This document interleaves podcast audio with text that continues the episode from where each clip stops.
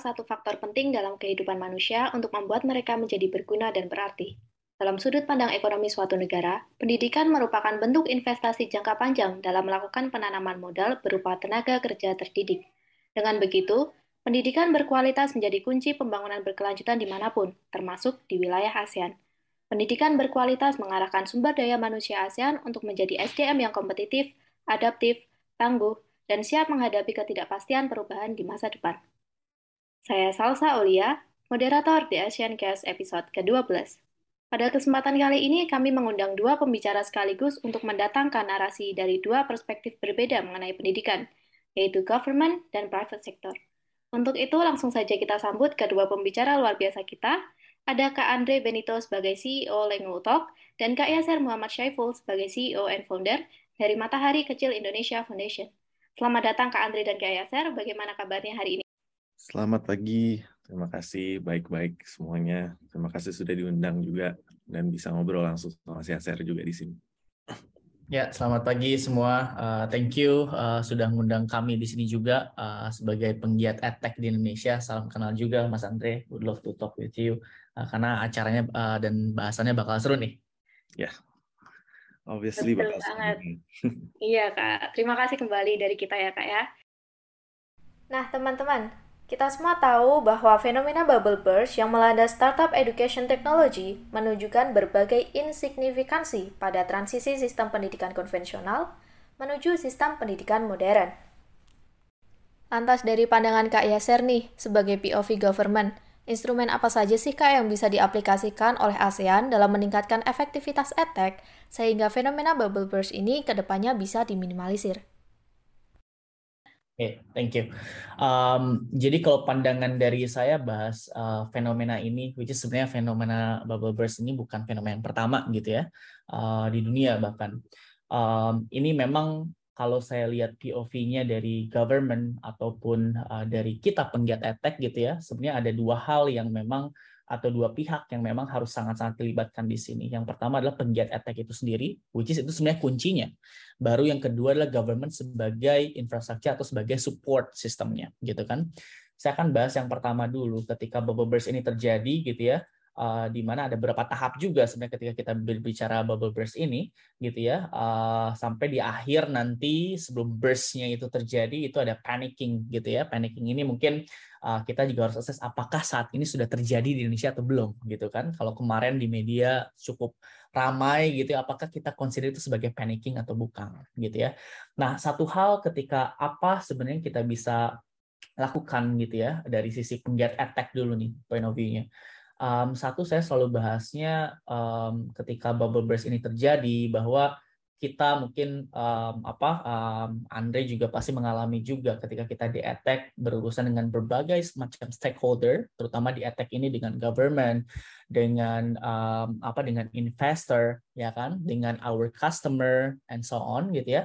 Kita harus benar-benar manage uh, semuanya gitu ya. Manage semua ekspektasi dari berbagai pihak. Dan karena ketika bubble burst ini terjadi gitu ya nilai-nilai uh, valuasi saham yang memang di luar batas normal gitu ya sehingga um, dari sisi investor and so on gitu ya um, ada perubahan ekspektasi gitu ya dan itu yang ngebuat Edtech sekarang mengeluarkan berbagai inisiatif, apakah itu mau kalau yang sekarang terjadi ya kita melihat bahwa apakah itu terjadi kita mau apa um, efisiensi gitu ya efisiensi karyawan ataukah kita melakukan uh, pivoting and so on gitu. Jadi poinnya adalah yang pertama dari sisi penggiat edtech adalah saya selalu bilang product market fit gitu ya product market fit ini artinya apakah solusi atau produk yang kita provide itu udah fit dengan market atau belum karena ketika bubble burst ini terjadi, itu yang harusnya sebenarnya kita evaluasi pertama, gitu. Jadi sebelum kita pointing finger ke government, segala inisiatif yang di provide sama government, kita harus put mirror, gitu ya, kaca depan kita bahwa yang kita lakukan ini sekarang seperti apa, where are we right now, gitu ya, dan apakah yang kita lakukan ini sudah benar? Apakah kita harus pivoting? Apakah memang apa yang harus kita lakukan dan kita harus berani mengambil hal itu. Itu satu yang saya selalu sampaikan mungkin itu ya. Satu itu dari sisi penggiat etek. Yang kedua dari sisi government gitu ya dari sisi government government sendiri sebenarnya ini kan karena ini masalahnya bukan masalah kota atau masalah provinsi doang, ini masalahnya masalah nasional bahkan masalah dunia gitu ya. Bukan cuma di Indonesia saja, tapi bukan cuma di Asia, tapi bahkan di di, di dunia bahkan mengalami hal ini gitu ya. Semua saham uh, apa turun rata-rata 25% turun dan seterusnya itu uh, apa sangat-sangat um, signifikan gitu ya. Uh, mungkin di luar negeri juga ada beberapa yang memang menganggap ini hal biasa gitu ya, tapi di Indonesia menjadi hal yang sangat-sangat wow karena mungkin at the same time paralel gitu ya beberapa attack terutama langsung mengeluarkan inisiatif yang sama efisiensi dan seterusnya. Jadi ini menjadi hal yang yang luar biasa. Nah dari government sendiri sebenarnya beberapa support uh, sudah pasti uh, apa uh, dilakukan juga gitu ya inisiatif-inisiatif dan itu juga um, attack juga kita harus open dengan government ini gitu ya dan harus tetap catch up dengan apa inisiatif yang dilakukan oleh government gitu ya. Uh, dan di sini pun memang uh, beberapa um, tergantung dari marketnya gitu ya tergantung dari marketnya apakah attack ini fokus di bidang um, apa um, K-12 gitu ya uh, formal education atau non formal education atau ke blue collars and so on gitu ya. Di tiap market Eh, government mempunyai inisiatif berbeda-beda gitu ya. Kalau kita bisa bilang sekarang kartu prakerja dengan fleksibilitasannya gitu ya. Kalau kita mau berbicara eh, ke blue collars and so on, oh, sorry white collars and so on. Terus di K-12 gitu ya, uh, keterbukaan uh, pemerintah dinas gitu ya untuk bekerja sama dengan edtech juga gitu ya. Itu kan membantu kita untuk penetrate market gitu dan mengerti lebih uh, apa lebih baik juga marketnya. Mereka open buat itu. Bahkan ada project-project inisiatif CSR yang dijalankan oleh government untuk support kita juga gitu ya kalau kita emang mau melihat arah sana itu inisiatif-inisiatif yang dilakukan oleh government dan pada akhirnya seberapa besar mata kita bisa terbuka dengan inisiatif government itu gitu kurang lebih seperti itu infrastructure CSR and so on itu inisiatif-inisiatif yang dilakukan untuk kita catch up dengan uh, fenomena bubble burst ini kurang lebih seperti itu kalau dari point of view saya. Oke, terima kasih Kak Yeser. Jadi kalau dari government sebenarnya udah ada berbagai inisiatif ya Kak. Nah, kalau terkait dari POV-nya private sector tadi Kak Yeser sempat mention tentang product market fit. Nah, sekarang aku balikin lagi nih dari POV-nya uh, eh, private sector dari Kak Andre. Gimana sih uh, tata cara dari pengelola edtech ini buat menentukan produk market fit ini? Tantangan apa yang ada dari sisi pelaku edtech dan gimana sih tantangan ini bakalan diakomodasi begitu Kak? Ya, terima kasih uh, buat pertanyaannya dan uh, tadi sangat komprehensif ya dijelaskan oleh Mas Yaser uh, mengenai fenomena bubble burst uh, dari point of view-nya uh, beliau dan uh, ya banyak banget tadi statement-statement yang diberikan oleh Mas Yaser uh, dan uh, yang sangat baik ya. Dan salah satunya yang tentang product market fit yang kebetulan saya juga pengen bahas tuh tadi. Um, yang saya lihat ya sebenarnya di negara ASEAN ini di tiap negara bahkan di di masing-masing negara beda region aja kita punya standar pendidikan yang berbeda. Beda sama mungkin kalau misalnya kita ngomongin di European Union atau mungkin di, di Amerika gapnya kita tuh lumayan jauh gitu. Karena kita selalu mengukur uh, yang namanya indeks uh, apa indeks pendidikan. Kalau misalnya di Lingotalk kita menghitung uh, language learning index. Dan jarak misalnya antara Malaysia, Singapura dan Indonesia dan let's say kita ngomongin Kamboja, Myanmar, Laos itu benar-benar gapnya jauh sekali itu dan permasalahannya itu juga beda, very very localized. Jadi yang uh, localization strategi itu sangat berperan penting dalam kita menentukan dan memberikan solusi uh, di attack gitu. Effectiveness kalau misalnya pertanyaannya menuju pada effectiveness dan juga instrumen itu akan sulit diukur jika terlalu uh, apa namanya di generalize uh, problemsnya sehingga solusinya itu tidak tepat sasaran. Jadi kalau yang saya lihat yang terjadi di attack kenapa ada bubble burst seperti ini uh, problemsnya kita tuh kurang spesifik kebanyakan. Kayak kita melihat problem yang begitu luas di education, which is emang ada banyak banget gitu. Tapi apa sih yang kita specifically pengen solve? Apalagi di early stage. Nah, itu yang biasa diomongin soal product market fit gitu. Selalu saat kita pitching ke investor, uh, saat kita coba uh, apa namanya memaparkan ide kita bahkan ke clients, bahkan ke users kita, mereka tuh pengen dikasih tahu problemnya spesifik tuh apa sebenarnya. Karena ada banyak sekali dan lumayan mendasar, apalagi kalau kita ngomongin di Indonesia seperti itu. Jadi um, instrumen yang bisa memeasure effectiveness of attack solution across each region itu yang bisa kasih solusi dengan benchmark dan guidelines yang baik gitu ya. Sehingga mereka pelaku-pelaku education ini kita ini bisa ensure dan bisa validate bahwa produk yang sudah kita bikin itu sebenarnya useful nggak sih atau efektif nggak sih kalau misalnya efektif seberapa efektif nih? Uh, measurementnya seperti apa? Di education itu measurementsnya itu sangat amat kualitatif kebanyakan. Dan ini yang menjadi problemnya kita sebenarnya. Kalau misalnya kita membuat suatu kurikulum baru selalu akan ditanyakan seberapa efektifkah kurikulum ini? Apa bedanya setelah users menggunakan produk kalian dengan sebelum? Itu bukan sesuatu yang mudah diukur untuk startup yang baru misalnya satu tahun atau baru beberapa bulan bikin produk. Karena itu kan lifelong journey kan. Kita mau melihat orang kalau misalnya di uh, kasusnya Linggotok kita mau melihat orang yang bisa bahasa asing nggak mungkin kita bisa ngetrack dalam waktu tiga bulan. Dia dari nol terus dia bisa jadi uh, apa namanya berbicara dengan uh, selancar itu misalnya. Kayak kita bilang oh kita bisa lebih cepat nih belajar bahasa asing cuma enam bulan udah bisa lancar. Itu bukan itu bukan jadi measurement gitu ya uh, di kita gitu. Pastinya itu akan nanti ngelihatnya itu akan uh, jauh ke depan. In three years in five years itu akan memudahkan mereka punya baseline yang baik dalam pembelajaran di sini yang kita lakukan adalah menerapkan baseline itu gitu nah jika government atau in this case ASEAN itu bisa bantu kita untuk bikin instrumen yang bisa measure effectiveness sejak dini itu akan sangat useful sih buat kita gitu ya. Jadi uh, itu sih yang kalau saya lihat ya uh, point of view-nya dari private sector. Oke, okay, baik Kak Andri. Jadi kita perlu ada spesifikasi tentang problem yang bakal di-tackle, kemudian uh, ada ban perlu bantuan juga ya dari government untuk mem-make sure effectiveness dari uh, solution yang bakalan attack kasih gitu ya Kak. Oke, okay. kemudian kalau misalnya kita kaitin nih Kak dengan kondisi saat ini, dari dulu COVID, dari dulu sebelum COVID yang semuanya serba offline itu uh, udah ada kesenjangan dan segala problem. Kemudian COVID datang semuanya berubah menjadi online. Kemudian saat ini COVID itu udah mulai menurun nih kak. Kira-kira gimana sih uh, prospek platform edtech ini ke depannya? Mungkin bisa dijawab dari Kak Yeser dulu selaku dari government. Kemudian dilanjutkan bisa dilanjutkan Kak Andri. Yes. Um, Oke, okay. jadi um, kalau berbicara tentang um, keberlangsungan etek ini kan seberapa akan akan seperti apa gitu ya?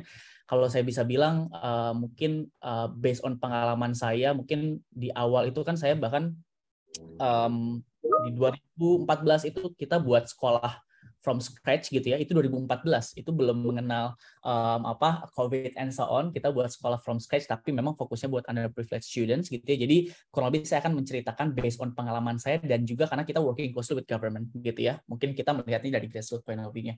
Kita buat sekolah from scratch sampai akhirnya covid datang gitu. At the same time juga 2020 saya um, uh, di uh, sampai sekarang juga di Elsa Speak.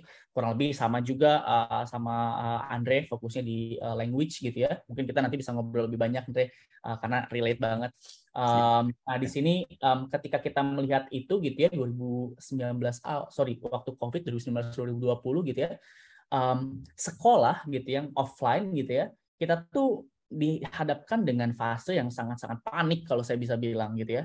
Jadi kalau bisa dibilang itu um, Indonesia kalau kita bandingin sama um, apa um, negara maju gitu ya kita mungkin tertinggal berapa lima tahun 10 tahun gitu ya um, ke belakang. Tapi ketika covid ini uh, ada gitu ya kita tuh dipaksa di stretch gitu mau tidak mau harus bisa gitu loh.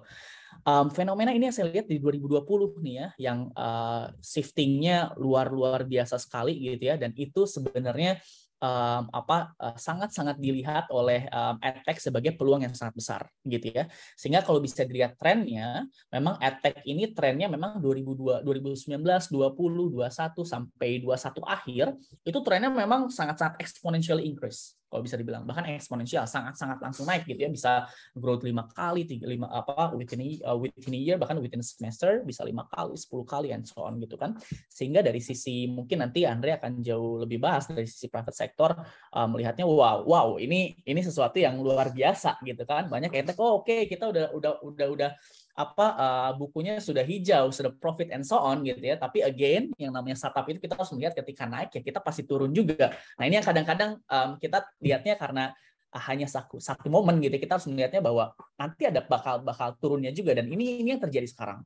Jadi ketika kita sudah naik gitu ya, kita melihat bahwa oh kita user apa growth-nya sangat-sangat uh, baik gitu ya usernya banyak user acquisitionnya tinggi yang pakai aplikasi kita banyak gitu ya kita merasa oh ini manfaat banget dan seterusnya. Tapi again kenapa pada akhirnya balik lagi ke market ini trennya seperti apa? Karena di 2022 2022 terjadi bahwa ketika kita sudah masuk offline gitu ya trennya nah ini ditambah lagi tadi yang fenomena bubble burst tadi gitu ya. Nah ini baru melihat ada penurunan user di sini gitu ya. User ini akhirnya udah pakai aplikasi kita gitu ya, udah pakai solusi edtech semua di Indonesia. Mereka berpikir karena siswa itu ketika saya ngobrol ya, saya kan selalu ajak ngobrol uh, siswa SMP, SMA gitu ya. Mereka itu sebenarnya capek gitu ya. Mereka tuh capek dan lelah dihadapkan dengan laptop lagi, dihadapkan dengan Zoom lagi and so on gitu ya. Di mana zaman mungkin zaman Andre, zaman saya, kita tuh bersosialisasi langsung gitu loh di kelas dan seterusnya gitu kan saya tuh kadang saya ada keponakan juga ya umur eh, empat tahun lima tahun. Ketika uh, umur segitu dihadapkan dengan laptop tuh saya quote unquote dalam dua tahun berturut-turut tuh miris rasanya gitu ya. Karena yang saya lihat pendidikan uh, pada saat itu 2020 terutama kita tuh kalau saya bisa bilang tuh belum sesiap itu. Bahkan frankly speaking gitu ya sekolah kami sekolah saya yang di Bandung um, apa sekolah materi kecil kita aja yang bisa dibilang ya kan saya pada saat itu di LSA mungkin kita hitnya ada beberapa sekolah yang mungkin uh, apa um, um, akreditasinya A dan seterusnya gitu ya yang mungkin high end and so on. At the same time saya juga ada sekolah yang memang benar-benar low end banget gitu ya. Jadi saya benar-benar ngerasa ini sekolah yang high end aja pada saat itu mereka tuh kewalahan banget. They can buy everything they can develop anything ya infrastructure and so on. But the thing is that mereka bisa beli aplikasi apa pun semahal apa pun, tapi pertanyaan implementasinya karena ketika kita beli apa uh, mau implementasi sesuatu pasti ada change management. Dari offline ke online itu sesuatu yang berat loh ya kan? Ya, satu orang dua orang aja kita make sure pak harus pakai online ya pak pakai HP caranya gini. Itu udah susah apalagi ngomongin satu orang dua orang dan seterusnya gitu. Yang bagus aja sekolah yang bagusnya susah. Apalagi sekolah kita pada saat itu yang sosial ekonomi statusnya kurang HP aja nggak punya itu lebih kelabakan lagi. Jadi saya saya bisa bilang 2020 itu kita suffer banget gitu loh jadi kita melihatnya bahwa oh sekolah ada yang udah pakai online dan seterusnya. Tapi kalau kita telah lebih dalam, mereka juga suffer juga gitu. Jadi flow-nya gitu. Ketika 2022 gitu ya, mereka sudah mulai terbiasa mau tidak mau karena government kan sekarang um, inisiatifnya cukup banyak ya.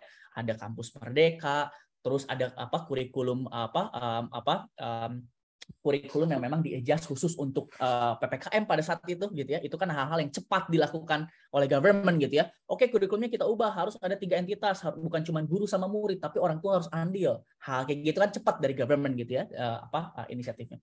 Tapi again, ketika turun 2022 sudah mulai masuk um, apa sudah mulai masuk ke sekolah gitu ya, orang sudah mulai overwhelmed. Oke deh, gue pengen sekolah aplikasi ini tinggalkan sehingga usernya turun gitu kan sehingga usernya turun. Dan ini bukan terjadi di Indonesia saja mungkin ya. Apalagi kalau sekarang kalau etek udah pasti paham. Di India sekarang mungkin saya harap Indonesia nggak nyampe seperti itu ya. Tapi di India sekarang the biggest player gitu ya memang sekarang lagi kesulitan. User yang udah banyak-banyak tuh yang top 3 top 3 gitu ya mereka kehilangan usernya akhirnya. Mereka pindah.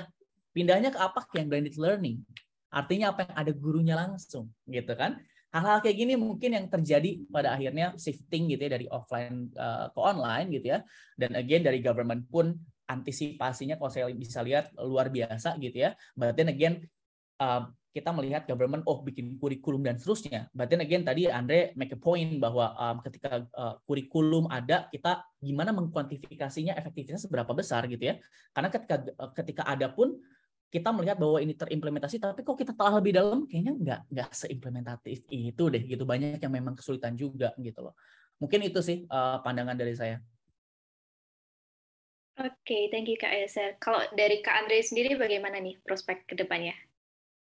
Iya, tadi uh, Mas Yaser udah bahas soal uh, keadaan atau kondisi pada awal COVID ya tahun 2020, digitalisasi. Itu tuh secara masif tuh dipaksa masuk jadi kita benar-benar jadinya cepat banget semuanya harus adaptasi. Nggak hanya murid, gurunya juga, orang tua juga. Semua orang tuh dipaksa nih di dalam kalangan apa pun, di keadaan teknologi seperti apa pun, uh, status ekonomi seperti apa pun, semuanya harus dipaksa untuk bisa adapt ke uh, online learning gitu kan. Dan dua tahun belakangan ini tugasnya edutech itu sebenarnya harusnya mengedukasi mereka bahwa ini jadi momentum kita dari sisi company tapi secara secara uh, apa namanya uh, secara momen ini adalah kesempatannya kita dua tahun belakangan ini untuk memberikan edukasi bahwa pembelajaran ini akan bisa lebih efektif. Dengan cara kita lihat nih sebenarnya banyak banget loh pada saat offline kita nggak sadar. Karena ada covid aja nih kita baru sadar bahwa banyak banget pembelajaran-pembelajaran yang ada di ruang kelas itu tidak efektif gitu ya dan ini nih yang kita bisa lakukan. Ini inovasi yang kita kasih.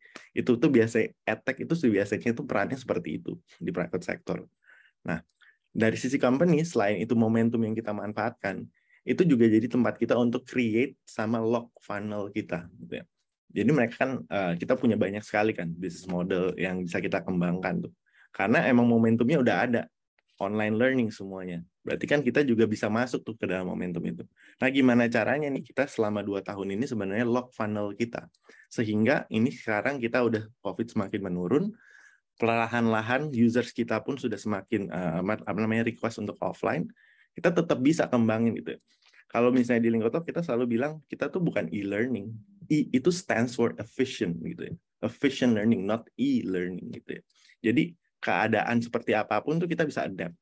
Karena kita sistem efficient learning yang kita kembangkan dalam produk ini, ini bisa diimplementasikan dalam bentuk apa pun gitu. Itu yang kita butuhin untuk uh, edukasi ke mereka. Bukan platformnya, tapi the way kita deliver materialsnya. Kayak gitu. Jadi um, kalau misalnya kita lihat, kalau misalnya saya boleh uh, conclude di sini, uh, yang dibutuhkan uh, dan prospek yang kita lihat ke depannya itu adalah hybrid options gitu. Secara online, solusi online itu tetap membuat educational content itu lebih accessible di mana pun, secara cost maupun secara akses. Gitu. Karena lower pasti kan uh, apa namanya yang kita kita coba provide itu kan pasti lower cost, kan? karena kita bikin sebuah produk yang lebih scalable. Kita produce satu hal, tapi bisa dipakai berkali-kali di mana aja. Jadi pastinya tuh unit ekonomisnya rendah gitu. However, solution yang offline itu juga masih sangat dibutuhkan. Kita percaya bahwa pembelajaran itu tetap butuh human touch gitu ya. dalam bentuk pendampingan belajar, enrichment classes, konsultasi gitu ya. Dan parents kadang-kadang mereka pengen punya offline solution yang jadi semacam daycare center buat anaknya sendiri ini. Mereka willing loh buat bayar lebih untuk um, apa namanya uh, punya service itu ke anak-anaknya itu. Jadi saya masih melihat bahwa offline dan online solutions itu saling komplement. Jadi yang kita lihat nanti ke depannya prospeknya itu adalah on hybrid learning. Kalau misalnya kita ngomongin soal platform. Um, Dek, eh, ini menarik deh. Tapi ya. memang ya. di tech ini memang banyak ya, banyak yang pada akhirnya kita melihat itu, tapi gak banyak orang berani buat buat ngambil itu. Artinya kalau kita melihat bahwa tadi ya, you made a point bahwa uh, I totally agree with you bahwa guru itu tak tergantikan ya. Uh, kita memang etek, jangan jangan kira kita etek teknologi, oh kita tech savvy banget, kita menghindar enggak. Kita tuh melihatnya bahwa Andre udah make a point bahwa guru itu tidak akan pernah tergantikan dan teknologi secanggih apa pun it's, it's just a katalysator. Catalyst, it's just catalyst. catalyst. Biasanya cuma katalis saja. Mempercepat yeah. dan mempermudah ketika tools ini tidak mempercepat mempermudah, what's the point by having these tools gitu kan? Mau mau keren apa pun. Tapi memang Eh, kalau kita lihat Andre di di di attack ini memang um, kadang orang tahu seperti itu tapi orang takut buat buat pivot gitu ya karena pivot itu menjadi suatu hal yang yang apa menjadi momok gitu karena kita harus harus harus mengubah bisnis model and so on gitu ya tadi ketika Linggo Talk uh, oke okay, kalau kita offline kita harus adjust gitu loh hal seperti itu yang pada akhirnya mungkin di India juga banyak terjadi Andre bahwa hmm. uh, apa um, yang muncul sekarang sekarang itu memang yang di bawah-bawah tuh gitu ya yang yes. mereka emang betul ya yang Betul. mereka mulai offline mereka mulai naik lagi tapi yang di atas gitu ya yeah. yang yang memanfaatkan terus uh, online learning and so on mereka malah um, uh, lifetime uh, customer lifetime-nya rendah banget pada pindah akhirnya kan? Iya setuju. Kalau misalnya gue ngelihatnya gini sih mas um, edtech itu harusnya bisa jadi komplementer ya. Maksudnya ini juga menyambung ke pertanyaan uh, yang kalau misalnya di guiding questions uh, guiding questions kita ngelihatnya yang pertanyaan nomor tiga sih sebenarnya. Uh, kita tuh percaya kalau misalnya edtech itu bisa jadi komplementer yang baik di sektor edukasi yang ada sekarang itu. Edtech itu harusnya tugasnya itu memberikan solusi yang holistik gitu ya. Tidak hanya ke penggunanya, muridnya, tapi ke gurunya juga gitu. Dan bahkan ke institusi pendidikan. Edtech solution itu harusnya nggak nggak menggantikan peran guru. Yang ada mereka tuh harusnya membantu guru untuk lebih fokus ke inovasi pembelajarannya dan mengajar tugasnya mereka gitu, mengajar, bukan kegiatan-kegiatan bersifat administratif. Itu sih yang kita mau coba solve ya. Kita tahu selama kita selalu bilang, oh ini gunanya seperti apa untuk users, kadang-kadang kita juga belum pikirin dari sisi teachers-nya ini sebenarnya gimana, what's what's on it gitu loh. Itu sih yang kita selalu lihat ya mas. Jadi saat kita ngembangin uh, apa namanya produk pun kita juga mikirin secara holistik nih. Karena users dan stakeholders itu sebenarnya dua hal yang sangat penting itu ya. Apalagi dalam pendidikan akan selalu ada pengajar dan akan selalu ada orang yang belajar. Jadi um, ya pastinya peran human touch itu tetap belum belum bisa tergantikan sampai sekarang. Belum ada teknologi yang saya yang saya lihat yang benar-benar bisa menggantikan peran emosional dari apa namanya antara antara murid dan guru uh, buat sekarang gitu ya. Dan um, holistic solutions itu satu hal yang menurut saya perlu banget untuk selalu di uh, consider gitu ya uh, pelaku, oleh pelaku pelaku edtech menarik. Betul betul. Bahkan Jepang aja yang teknologinya super savvy sekarang malah dia bayar guru lebih tinggi ya. Jadi yes. di Jepang itu bahkan kalau guru uh, di apa di billboardnya itu saya kemarin lihat ya bahwa uh, apa uh, karena mungkin um, uh, kalau di Elsa ini kan kebetulan beberapa ada di beberapa uh, negara kita ada di 100 negara lebih. Jadi kita juga coba belajar nih di Asia itu seperti apa. Dan uniknya di Jepang di foto tuh waktu itu. Kita kan aplikasi base tapi di foto di grup waktu itu saya lihat di di di, di slide gitu ya di foto bahwa ada billboard kalau di kita tuh billboard apa? Mungkin daerah kuningan gitu ya hmm. apa daerah uh, SCBD gitu yang benar-benar besar banget saya kira tuh artis apa gitu ya uh, ada orang pakai jas gini ya keren ngejejer cewek-cewek cowok gitu ya ada harganya gitu ya saya lihat apa gitu kan ternyata itu guru les loh guru jadi les. ya benar betul itu tuh guru les loh Guru les itu di sana seperti jadi bahkan Jepang yang udah teknologinya sekencang itu mereka pada akhirnya juga tidak meninggalkan human touch yang tadi Andre bilang juga gitu loh. Yeah. Itu menarik sih, itu menarik sih. Jadi di Indonesia kita jangan seakan-akan oh kita harus teknologi super yeah. lah teknologi itu bisa super keren gitu, tapi at the end of the day itu bahkan tadi human touch itu memang gak akan tergantikan sih, totally agree.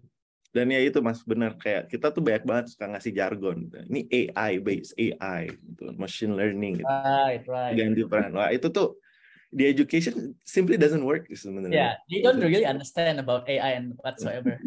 right? Oke, okay, thank you Kak Yasa dan Kak Andre. Pembahasannya cukup komprehensif ya. Tadi udah ngambil uh, contoh-contoh dari India dan Jepang.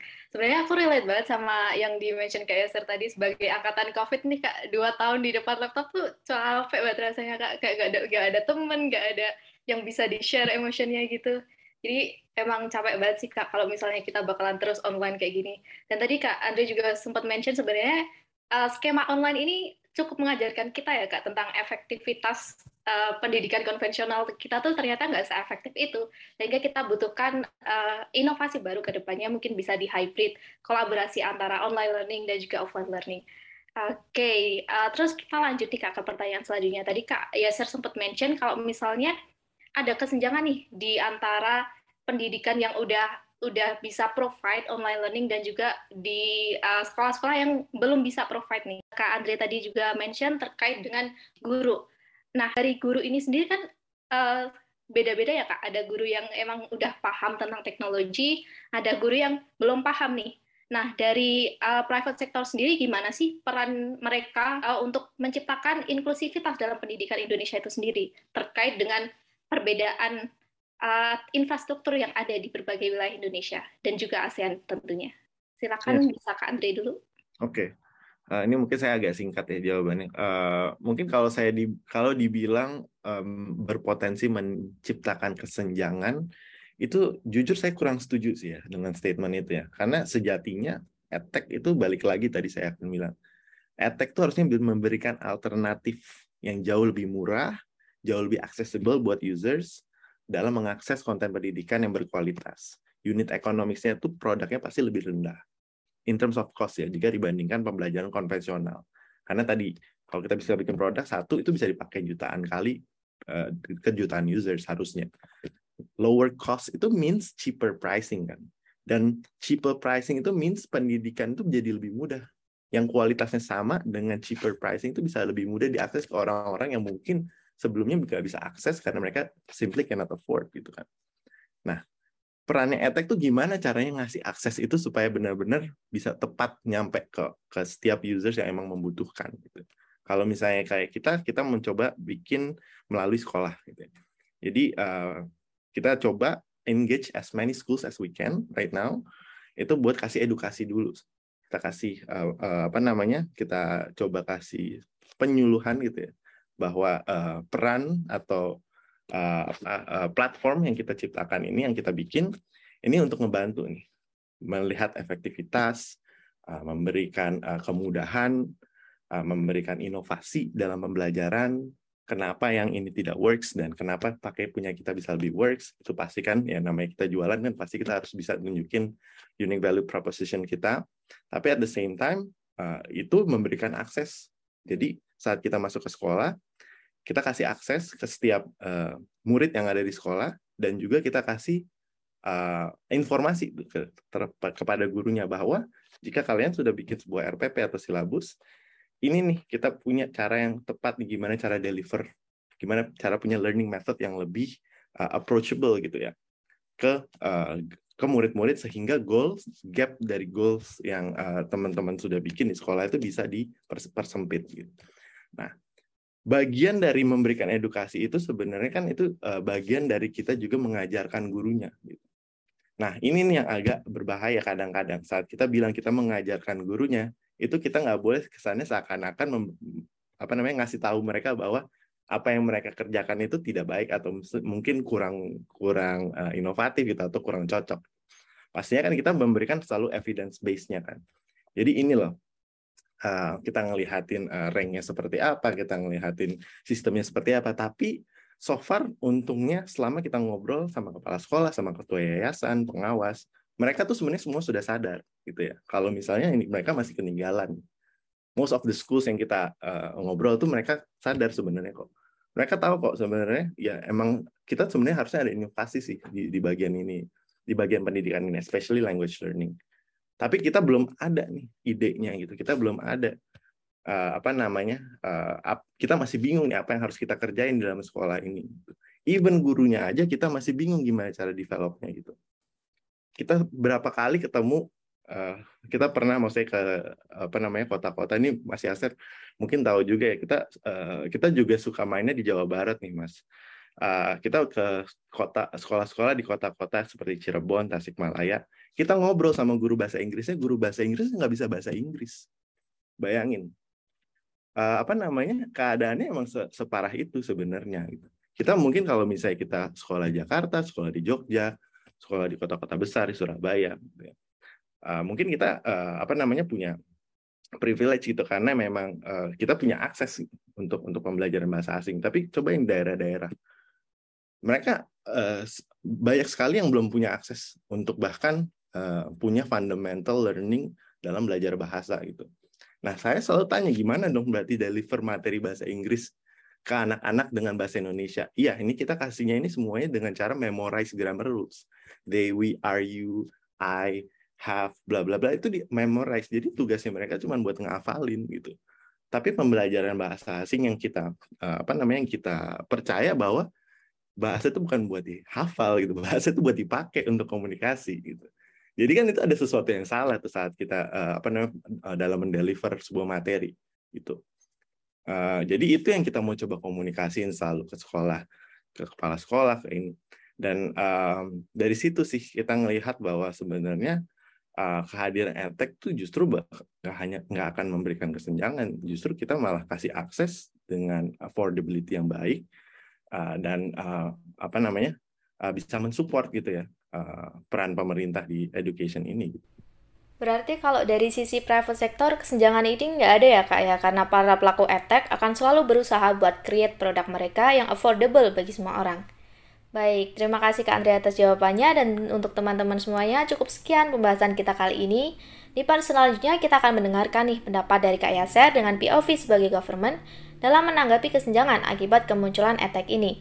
Apakah akan sama nih sama poin yang telah disampaikan oleh Kak Andre atau ada poin-poin lain nih yang menarik dari POV government? Untuk itu, dengarkan pembahasan selanjutnya di The ASEAN Cast episode 12 part kedua.